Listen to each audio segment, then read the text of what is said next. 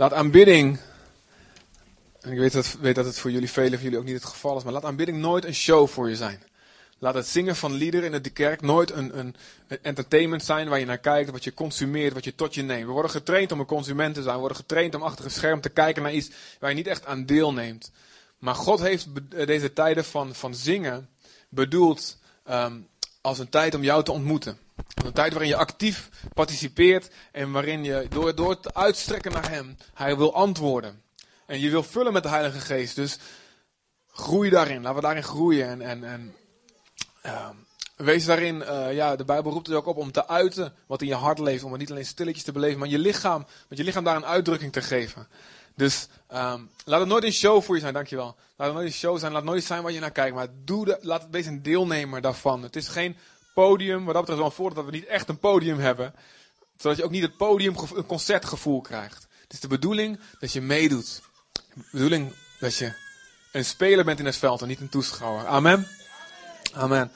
Ik wil je vragen te gaan staan, je Bijbel te pakken.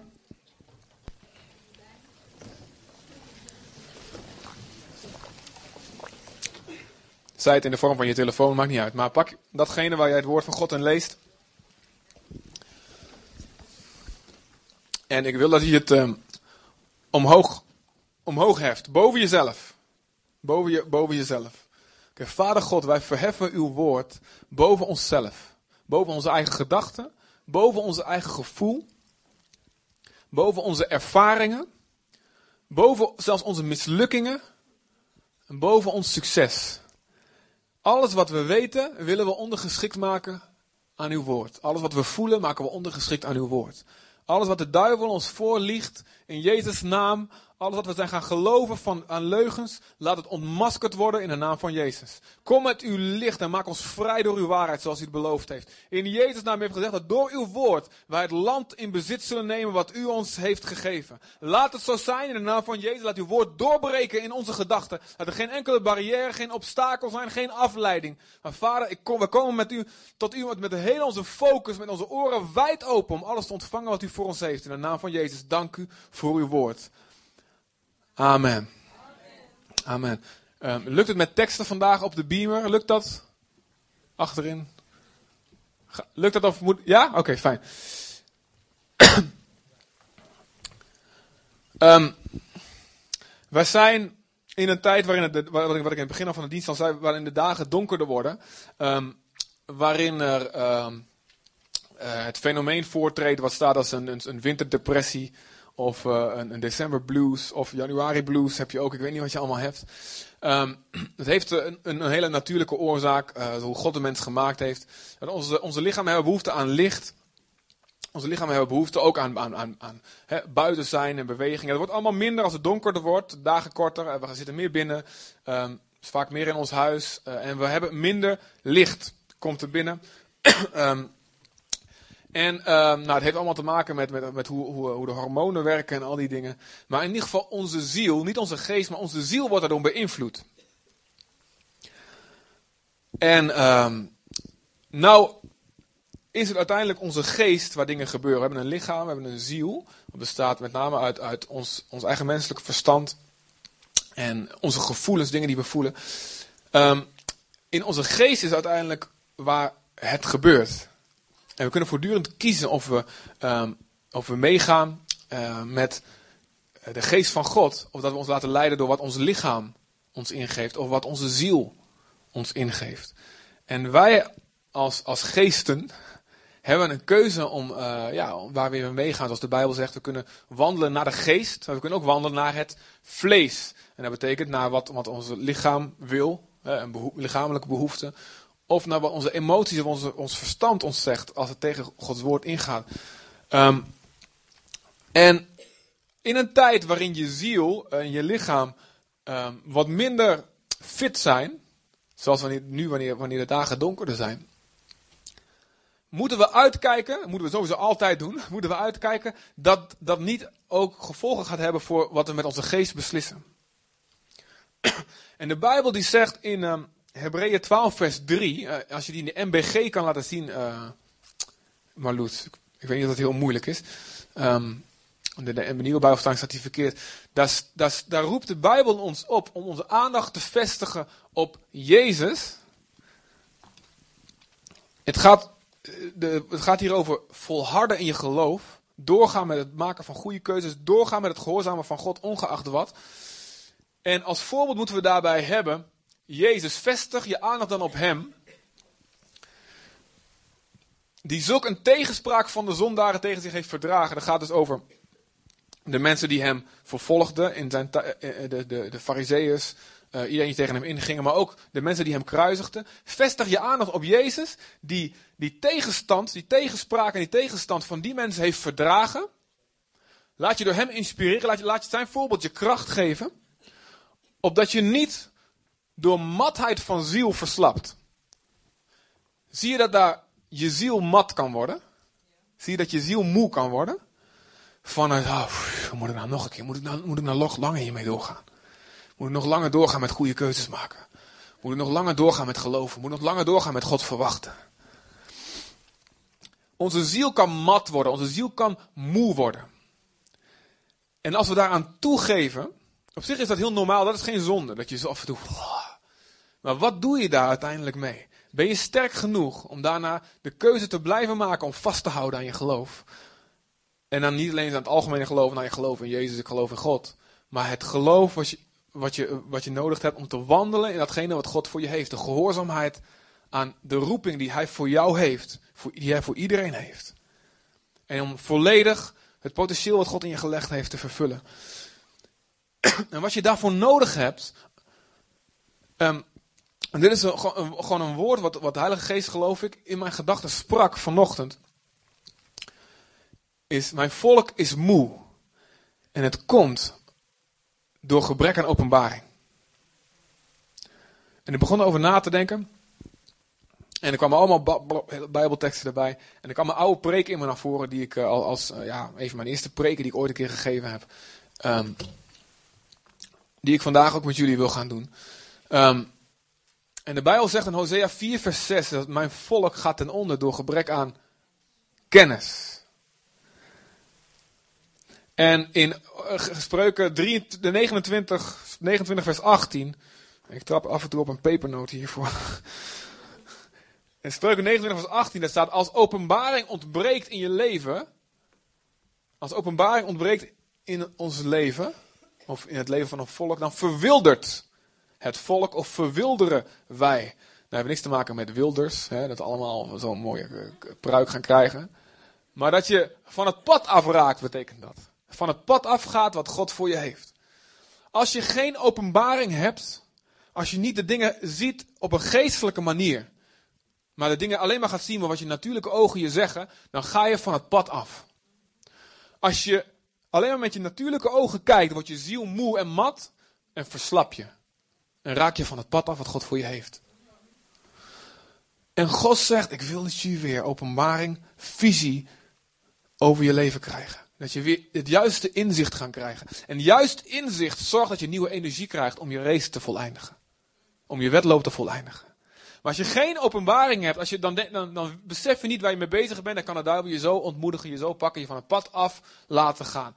En we moeten beseffen dat we leven in een geestelijke realiteit. Dat is heel belangrijk. Um, het leven bestaat meer uit, uit, botten en spieren en vlees en bloed en, en, en eten en werken om, om, geld te verdienen, om te kunnen eten en, en een beetje relaxen je lichaam. Het leven is meer, je bent meer dan je lichaam. Je bent meer dan je lichaam, je bent meer dan je gevoel, je bent zelfs meer dan je verstand. Er is meer dan jij begrijpt met je verstand. Je bent een geestelijk wezen. En God weet, en de, en de duivel weet, en de demonen en de engelen, zij weten dat het gaat om jouw geestelijke werkelijkheid. Alleen wij zijn degene die voortdurend afgeleid worden. dat is ook heel logisch, omdat we leven in een, een wereld waar het gaat om tastbaar spul, ja toch? Maar God wil dat wij met geestelijke ogen gaan kijken naar ons leven. En we moeten daarin beseffen dat wij, dat, dat er een strijd ten eerste gaande is om ons zelf.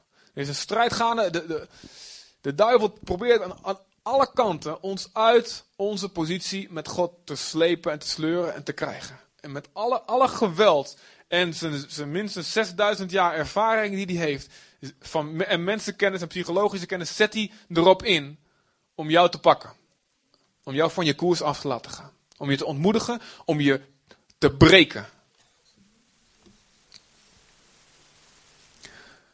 En God heeft gezegd in zijn woorden, Psalm 119 staat er: God, door uw woord word ik wijzer dan mijn vijanden. Dus door dit woord, door het, God heeft het als het ware het leven zo gemaakt dat, en de duivel weet het, als wij doen wat God zegt, als we dit woord niet alleen horen, maar ook doen, dan zal de duivel met al zijn mensenkennis en met al zijn trucjes en alles wat hij in zich heeft, ons niet kunnen pakken.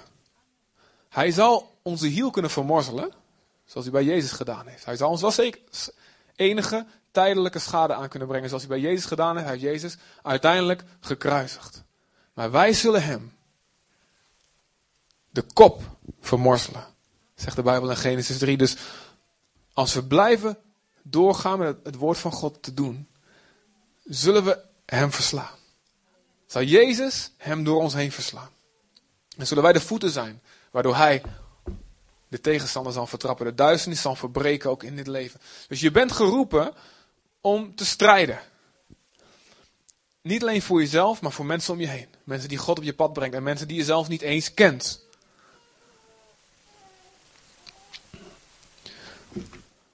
En we zijn samen, niet alleen individueel ben je geroepen, we zijn samen geroepen om kerk te zijn. En het is meer dan een gewoon bij elkaar komen. Het is meer dan een menselijke organisatie. Dit is een geestelijke werkelijkheid. Ik geloof echt dat God precies gepland heeft wie er in welke tijd in welke kerk zou zitten. Natuurlijk zijn er sommige mensen die in de verkeerde kerk omdat ze ongehoorzaam zijn, heb ik het even niet over. Hè? maar je zit hier en je bent hier vandaag. Je zit op de plek je bent, geboren, je bent geboren hier of je bent hierheen verhuisd, maar je bent hier op deze plek. De Bijbel zegt handelingen. God bepaalt de, woonplaatsen en de tijden van de mensen en van de volken. Dus je bent hier omdat je samengevoegd bent. Niet door toeval, maar door God. Dus deze combinatie die we nu hebben is precies goed. De combinatie van talenten, van gaven, van persoonlijkheden. En soms denk je van, oh my goodness, moet dit nou zijn, weet je wel. Maar we mogen geloven niet in een mens, maar we geloven in God. Dat Hij het kan doen.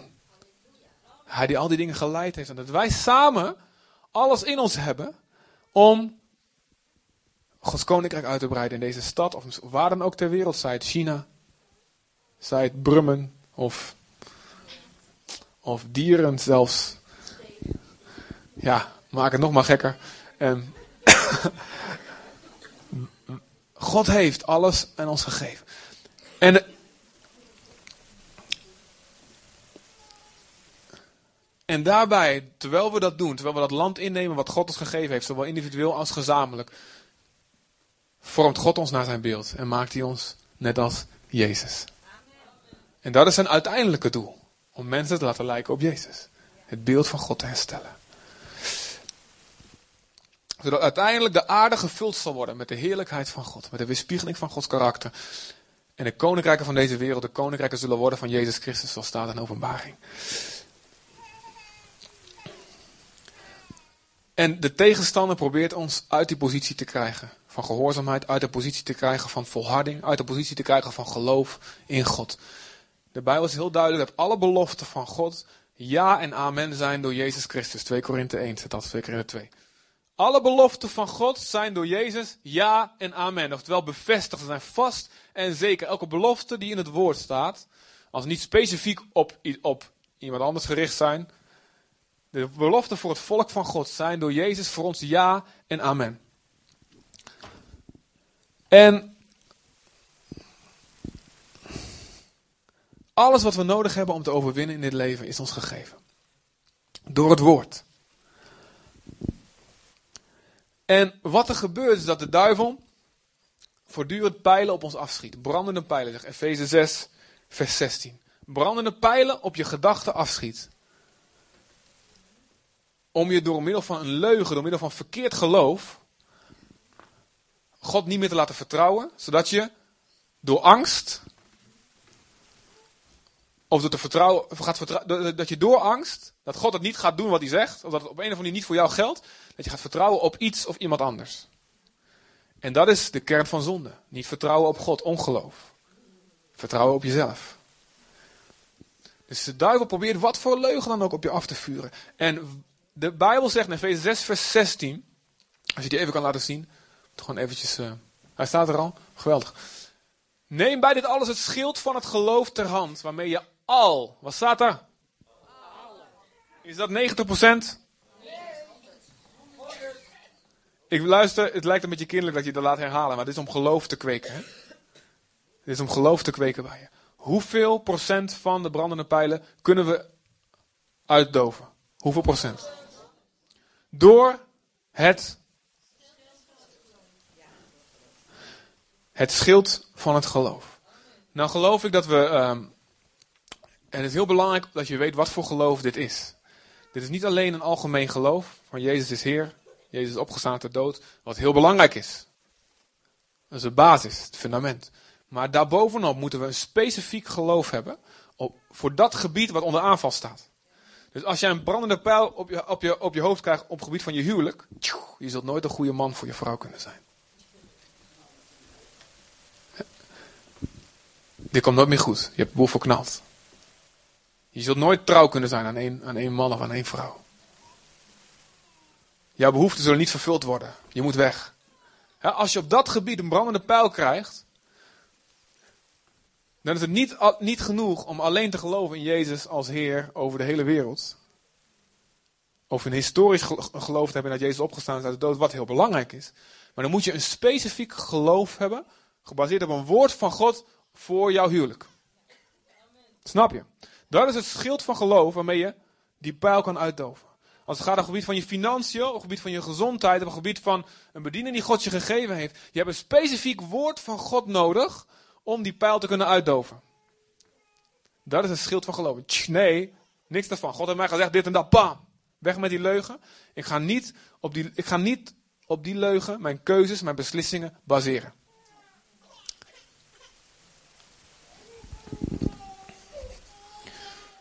En ik wil, um, ik wil met jullie naar 2 Koningen 18, daar een verhaal lezen. Als jullie mij een beetje volgen, um, ja, sommige van jullie, um, ik heb bijvoorbeeld op de battle dit wel eens gebracht. Dit is een, dit is een preek die ik kreeg als, als, als tiener eigenlijk nog. Nou ja, toen, dat moment was er geen preek. Ik las gewoon dit in de woord en dacht, wauw. En God heeft me heel veel geholpen door, deze, door dit verhaal heen. Um, en uh, dus sommigen van jullie hebben het misschien al een keer ergens anders gehoord. Um, en zelfs in de begintijd van Berea en ergens in Isidon heb ik misschien al een keer wat, wat hierover verteld. Maar dit is voor mij een fundament om mijn geloof vast te houden. Dit verhaal. Want dit, dit verhaal geeft inzicht in hoe de duivel onze gedachten aanvalt. En ons uit ons geloof probeert te krijgen, te mappen. Door middel van specifieke leugens. En het gaat, eh, de situatie is zo dat koning Hiskia is koning van Juda. En het andere koninkrijk, het andere deel van het volk van God, is al gevallen, is al weggevoerd door de Assyriërs. En nu komt datzelfde leger van Assyriërs, komt ook Juda aanvallen. Dus ja, tien van de twaalf stammen zijn al weggevoerd. En dan kom jij, je hebt nog een koninkrijk van twee stammen over. En dan komt die koning ook tegen jou. Nou ziet het slecht uit, toch? Maar Hiskia houdt van God. Hiskia heeft God lief. En dan wordt je stad belegerd, Jeruzalem wordt belegerd.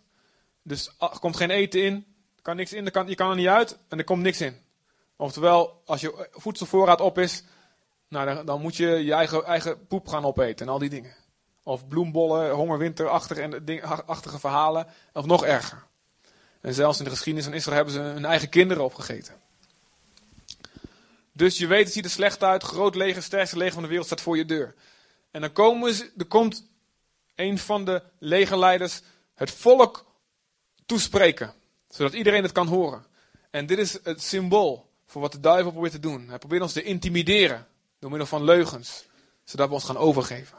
De bedoeling van die toespraak was, joh, zodat, we, dat, dat, dat de tegenstander zonder eigenlijk echt strijd te hoeven leveren, die stad kon innemen. Omdat het volk al zegt van, ja, hier kunnen we niet tegenop, ik geef het op. Dit is het doel van Satan nog steeds over je leven. Hij weet dat hij niet van je kan winnen. Jezus, als hij gaat strijden, gaat Jezus voor je vechten. Dus wat hij wil, en dan verliest hij. Wat hij wil is dat je het zelf gaat opgeven. Dat je je gaat overgeven. Omdat je niet gelooft dat Jezus het kan doen voor je. Luister goed, want dit is de openbaring die je nodig hebt. Dit is de openbaring die je nodig hebt om niet te verwilderen. Om niet kapot te gaan. Om niet de matheid van ziel te verslappen. En er komen met een aantal specifieke leugens. En ik, toen ik dit vanochtend dacht, ja, oké, dan moet ik dit doen, dacht ik van, nou weet je, ik kan hier wel vijf preken aan besteden. Maar ik, heb echt, ik voel echt een dringendheid, een urgentie van God op mijn hart. Ik voel echt dat God zei, ze hebben hier geen tijd voor. Om hier vier of vijf zondagen op te wachten. Omdat, omdat velen van jullie nu op deze punten aangevallen worden. En jullie nu dit woord nodig hebben. 2 Koningen 18. En uh, ik wil daarbij beginnen in vers 25. Eh, dus ze komen een toespraak houden. um, en doe maar in, uh, de, mag in de nieuwe Bijbelvertaling. Met wat begrijpelijker te maken.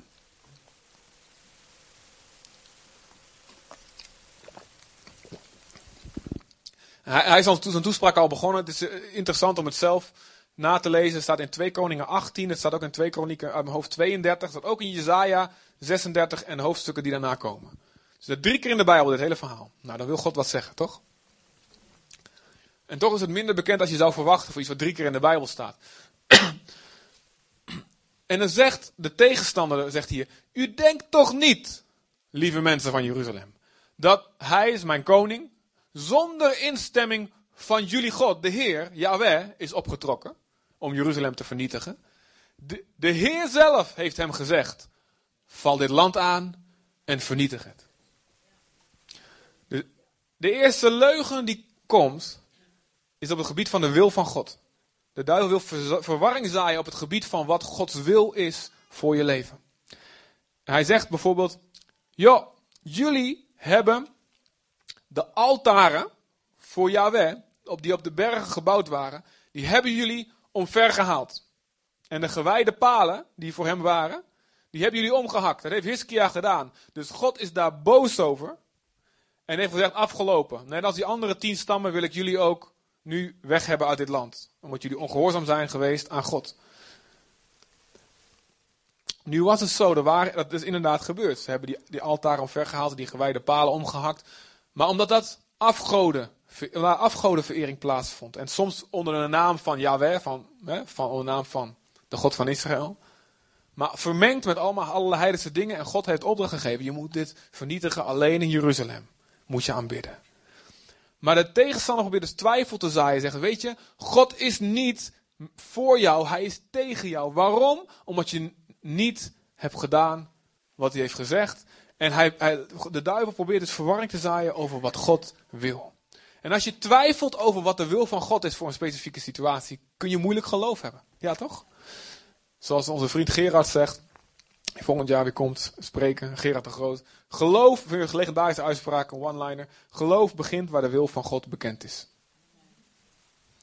Als je niet weet wat God wil, kun je ook niet, kun je ook niet een vast, als vaste belofte dat pakken. Dus je moet goed weten, wat wil God voor mijn leven? Wat wil God voor me? Mijn baan. Wat wil God voor mijn gezondheid? Wat wil God voor mijn kinderen? Wat wil God voor mijn bedrijf? Dus leugens waarmee Satan komt. Op een of andere manier. En er kunnen allerlei manieren zijn. Als jij in je verstand vatbaar bent voor leugens. Dan doet hij het door middel van je verstand. Als jij luistert door middel van je gevoel vatbaar bent. Dan zal hij het op die manier proberen. Maar wat voor manier dan maar ook twijfels over wat God wil voor je leven. God wil niet dat je die en die zonde overwint in je leven. het is bedoeld, en dan kan, doet hij altijd een mooie theorie bij. Het is bedoeld als een doorn in je vlees. Om je leven lang gewoon met één ding te blijven leven. Ja, we hebben allemaal zo onze dingetjes. Weet je? En iedereen heeft zijn. En op een of andere manier je, laat, je die strijd te laten opgeven tegen die zonde, tegen die verkeerde gewoonte, tegen die boosheid, tegen de, de karaktertrek. Waarvan God zegt, joh, het hoeft echt niet in één keer allemaal, maar ik wil wel dat je strijdt. En, en ik zal door je heen strijden, ik zal je overwinning geven. Dat is wat de wil van God zegt. Ik wil dat je heilig bent, want ik ben heilig. Ik wil dat je overwinning hebt hierover. Of, God wil jou niet genezen. Of God wil jou niet bevrijden. Of God wil niet dat je die blijdschap van de Heilige Geest ervaart. Of God wil niet dat je gaat werken aan je relatie, of dat je gaat werken aan, aan vriendschappen. Dat je daarin overwinning krijgt. God wil alleen, een, alleen maar een paar uitverkorenen de stem van God verstaan. God wil niet dat je zijn stem verstaat. God wil jou niet leiden, alleen maar die en die. En als jij een keer een kruimeltje vangt, oké, dan heb jij geluk. Er zijn alleen maar een paar mensen groepen, wat voor dingen dan ook. Hij probeert twijfel te zaaien over wat God wil. En als het gebeurt, als we dus niet weten wat God wil, dan beginnen we te wankelen. En daarom zegt God, lees mijn woord. Luister naar mijn woord. Ga relaties aan met, met, met mensen in de gemeente. Ga vriendschappen aan. Zodat je door het woord, door die gesprekken, door samen op te trekken, door samen te bidden, mijn wil leert kennen. Amen. En sterker en zekerder wordt van mijn wil. He, zoals de Bijbel ook staat, eh, Paulus bidt, ik bid dat jullie verzekerd staan, vaststaan bij de wil van God. Dat je zeker wordt van de wil van God. Ik word, wordt vernieuwd door je, in je denken. Op wat je mag erkennen wat de wil van God is. Dus het is, God zegt, joh, versterk jezelf. Door mijn woord. En soms door het lezen van het woord, door het luisteren, krijg je gewoon een openbare, bam, dit is wat God voor mij wil. Twijfel rondom de wil van God. Is er een gebied in je leven waarin je twijfelt, wil God dit eigenlijk wel? Ergens, en dan, en dan zal ik je zeggen dat ergens in jou, de Heilige Geest woont in je als je gelooft. Ergens in jou spreekt de Heilige Geest. Ergens in jou voel je aan, dit wil God. Maar er zijn zoveel dingen gebeurd in je leven, waardoor je anders bent gaan geloven. Er zijn mensen misschien naar je toe gekomen die verwarring hebben gezaaid door allerlei gekke theorieën. Waardoor je verwarring hebt gekregen over wat God werkelijk wil. Of je hebt allerlei menselijke tradities en overleveringen, zeg maar, die er tegenin gaan. Die het woord van God krachteloos kunnen maken. Een ander ook, die, die je vaak hoort. God wil. God is alleen een God van zondag. Een God van de kerk. Terwijl God zegt, ik ben ook een God op je werk. Ik ben een God in jouw gezin. Ik ben een God van maandag.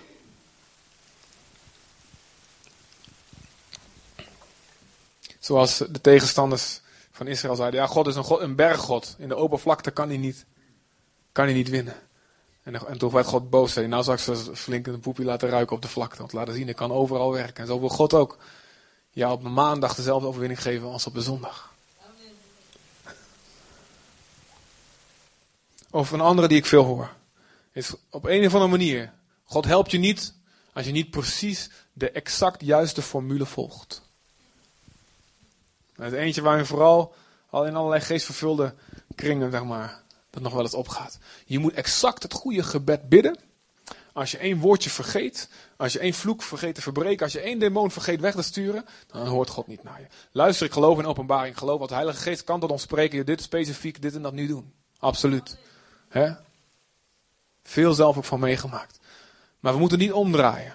We moeten niet denken van, nou weet je wat, alles wat ik ooit een keer gehoord heb, wat je moet verbreken, wat je moet binden, wat je moet uit, uitdrijven, al die dingen, die moet ik allemaal afgaan. Hè, en tot in al die generaties en weet ik wat allemaal. Anders dan ben ik niet vrij. Dat zorgt juist voor ongeloof. Snap je? Dat zorgt juist van, nou ja, God is pas met me als ik niks vergeet. Oh, druk en last, ongeloof. En dan krijg je het niet, niet omdat je iets vergeten bent, maar omdat je niet gelooft. Valt dit kwartje? Terwijl we moeten blijven luisteren naar de stem van de Heilige Geest als hij iets specifieks openbaart. Absoluut, mogen we ook om vragen.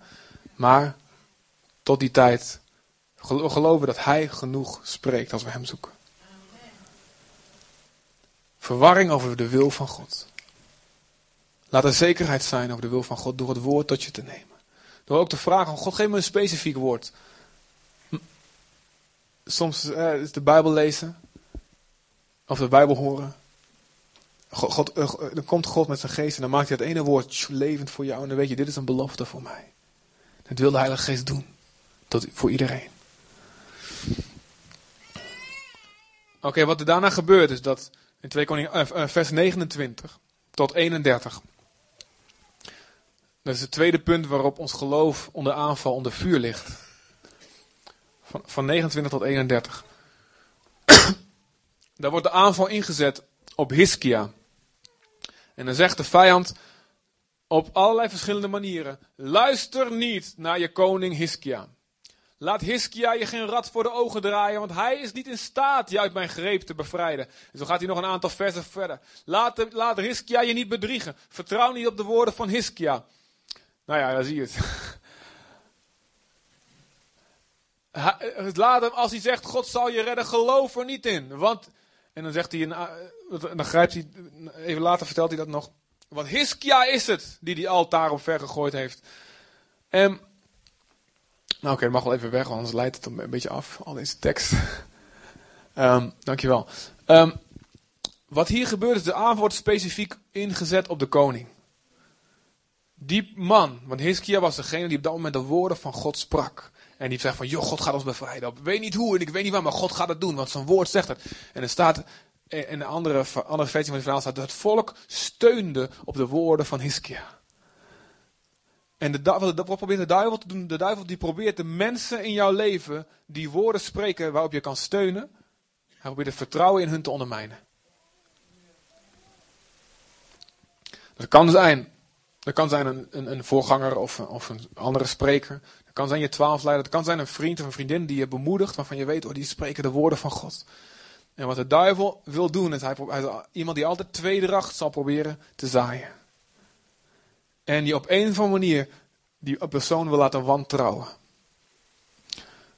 Soms door iets wat echt gebeurd is, maar wat je vervolgens niet goed maakt. En soms door iets wat helemaal niet waar is. En door allerlei misverstanden. Een persoonlijke lastercampagne te voeren in jouw hoofd tegen de persoon die tot jou de woorden en de bemoedigingen van God spreekt. Vertrouw maar niet op die, als die en die een woord zegt. Want als je aanstoot in je hart hebt, als je, als je iets aanstoot neemt aan een bepaalde persoon, dan kan die persoon alles tegen je zeggen. Maar zeggen van ja, voor jou neem ik echt niks aan, mafkees. Want ik heb nog, ik dit en dat, zo en zo. Dat, dat, allemaal, allemaal verkeerd. Dus ik geloof jouw woorden niet. En daardoor mis je het geloof wat je nodig hebt om te blijven staan. Soms zelfs zonder dat je het doorhebt. Herkennen we dit in ons leven? De vijand brengt verwijdering. Tussen jou en de persoon die de woorden van God tot je spreekt. Wie dat ook is. De, en er is sowieso een groot aanval op, op leiderschap. Er is een aanval om leiders op, überhaupt op te laten staan, tot ontwikkeling te laten komen. Er is een aanval om leiders in een positie te brengen. Satan heeft allerlei tactieken om met name in kerken, maar ook in christelijke bedrijven of waar dan ook, om, en in gezinnen, om personen hun verantwoordelijkheid te laten nemen. Hij heeft allerlei tactieken om daar tegenin te gaan, soms door drukte, de farao die zei, joh, laat ze maar harder werken. Dan gaan ze wel vergeten om God te aanbidden. Soms worden we ook zo afgemat door ons werk en door alle drukte in het leven. Dat we helemaal geen zin meer hebben om ook nog eens een keer eens een verantwoordelijkheid op ons te nemen. Die God ons aandraagt. En er is een aanval om leiderschap in het algemeen in discrediet te brengen. En natuurlijk gaat er ook veel mis. Als je nou kijkt, het misbruiksschandaal in de Rooms-Katholieke Kerk. En stond, ik las ergens dat het, ah, het, vertrouwen in de, in de kerk, als je alle instituten in de maatschappij hebt, op een rijtje zet, en het vertrouwen in de kerk is het laagst van allemaal. Door wat er nu allemaal gebeurd is. Het is de duivel gelukt. En natuurlijk zijn het die mensen geweest, die, die, die, die, die misbruikende priesters geweest, die daar aanleiding voor toegegeven, die die deur open hebben gezet. En wij moeten leren onderscheiden en leren herkennen. Wanneer het de duivel is die ons, die wantrouwen probeert te zaaien tussen ons en mensen die het woord van God spreken. Of vrienden die ons bemoedigen. Let daarop. Wees ervan bewust. Zorg dat je die openbaring hebt. Want mijn volk gaat ten onder door gebrek aan openbaring, aan kennis en inzicht. Vers 27. In vers 27, nou, daar zegt hij, en met name het onderste stuk gaat het om. Joh, onze woorden zijn net zo goed bestemd voor de mensen daar op de muur. Die binnenkort, net als u, hun eigen stront zullen eten en hun eigen pis zullen drinken. Nou, mijn kinderen zouden zeggen, staat dat allemaal in de Bijbel, die vieze woorden? Ja. Maar dit is, dit is inderdaad wat in het Hebreeuws ook gebruikt wordt. Joh, als jij doorgaat met vertrouwen op jouw God, gaat het de offers die jij moet brengen veel te veel worden. Als jij in je stad blijft zitten en je niet naar mij overgeeft, zul je je stront moeten gaan eten en zul je je eigen pis moeten gaan drinken. Dus geef je nou maar gauw aan mij over. En dan zegt hij dan in versen 31 en 32. Zegt hij. Joh, doe nou niet zo moeilijk. Geef je gewoon aan mij over. Hou er nou mee op. En ik zal je brengen. Vers, vers uh, 31 en 32. Ik, zeg die, ik zal je brengen naar een land wat precies lijkt op jouw land. Nee, ook mooie bomen, ook melk en honing en al die dingen. Nou, kom maar goed. De duivel zegt: doorgaan met geloven op God kost je veel te veel. Het offer wat je moet brengen is te groot. Sluit alsjeblieft een compromis. Stop ermee. Geef het op. Je hebt al een heel stuk van de wil van God voor je leven vervuld. En je hebt al heel veel goeds gedaan. Laat de rest maar zitten. Stop maar. Die droom die je had voor God. Joh, ga alsjeblieft achterover zitten. Je hebt al heel veel dingen overwonnen in je leven, joh. Het is goed zo. Stop er maar mee. Je hebt al genoeg jaren God gediend.